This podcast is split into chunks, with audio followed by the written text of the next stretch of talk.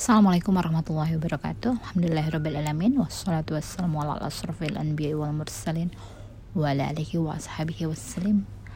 Assalamualaikum ya Rasulullah. Assalamualaikum habib, ya Habiballah Alhamdulillah wa syukurillah ala binimatillah La wala wala quwata illa billah.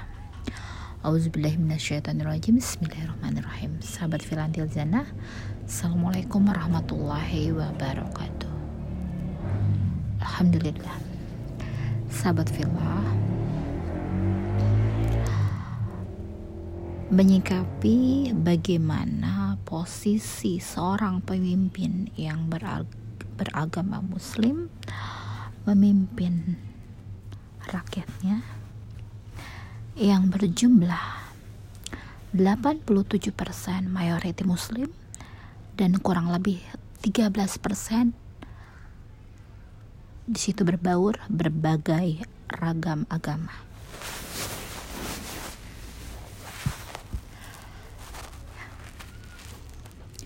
Kebijakannya haruslah proporsional ya.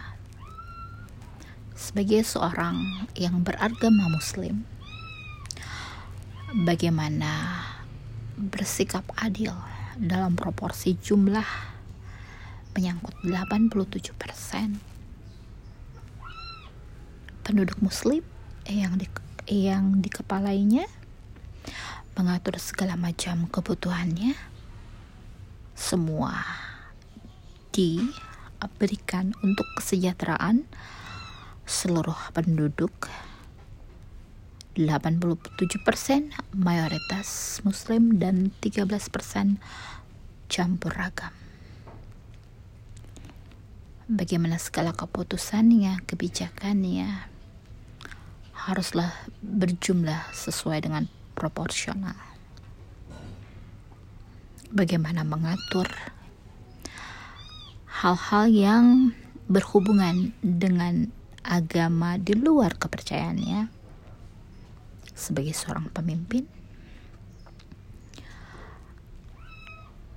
Islam dalam memerintah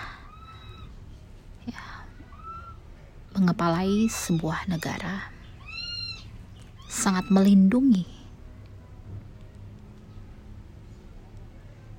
penduduknya keseluruhan melalui beragam suku bangsa dan agama. Menyangkut peribadatan di luar kepercayaannya bagaimana seorang kepala negara menyikapi hal ini, sedangkan dia seorang yang beragama Muslim. Karena dalam agamanya diwajibkan untuk memberikan keterangan-keterangan, kabar berita, kabar gembira, dan peringatan kepada siapa pun sebagai insan, sebagai khalifah di muka bumi ini menyangkut tentang peribadatan agama lain. Seorang pemimpin yang beragama muslim tapi membawahi penduduk yang bukan non-muslim. Semua kebijakannya mengenai agama di luar agamanya haruslah bersumber dari orang yang bersangkutan, penduduk yang bersangkutan. Mengenai perlindungan nyawa, keadilan dalam berbangsa, kesejahteraan, ekonomi menjadi tanggung jawabnya. Namun yang berhubungan dengan peribadatan, serahkan sepenuhnya kepada mereka yang memiliki agama tersebut. Jangan kita mengadang-adakan sesuatu yang akan membuat kita berdosa terhadap agama kepercayaan kita. Karena di dalam agama kepercayaan kita telah diatur untuk masalah agama, agamamu agamamu, agamaku agamaku.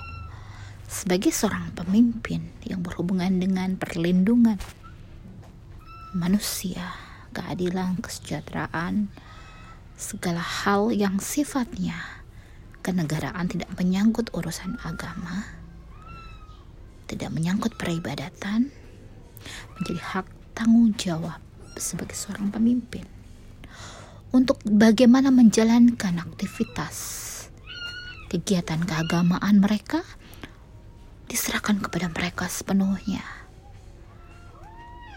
Apa yang harus kita lakukan hanyalah cukup menyetujui apabila mereka melakukan kegiatan sesuai dengan batasan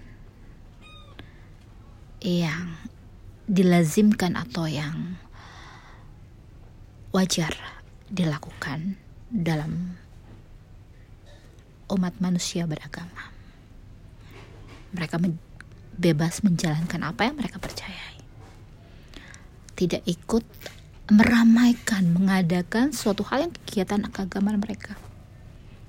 Karena akan jatuh menjadi suatu dosa bagi seorang pemimpin yang beragama berbeda dengan penduduknya tidak boleh mencampur adukan yang namanya menyangkut peribadatan. Hal ini perlu menjadi kehati-hatian ya, buat siapa saja yang akan memimpin suatu bangsa yang beragam agama untuk hal yang sifatnya kenegaraan, kesejahteraan, perlindungan, keadilan. Kita berhak wajib mengaturnya. Namun menyangkut peribadatan, serahkan kepada mereka yang mengimaninya. Jangan kita membuat membuat mengadakan suatu hal yang dilarang oleh agama kita. Mungkin itu saja sebuah pemikiran bagi siapa saja yang akan memimpin sebuah negara yang beragam agar tidak bertentangan dengan keyakinan yang kita yakini agar kita tidak berbuat dosa terhadap hak dan kewajiban sebagai seorang insan yang beragama. Alhamdulillah. Syukurillah ala bi'nimatillah. La hawla wa la quwata illa billah. Subhana rabbika rabbi izzati amma yasifun wa salamun ala mursalin walhamdulillahi rabbil alamin. Wabillahi taufiq. Assalamualaikum warahmatullahi wabarakatuh.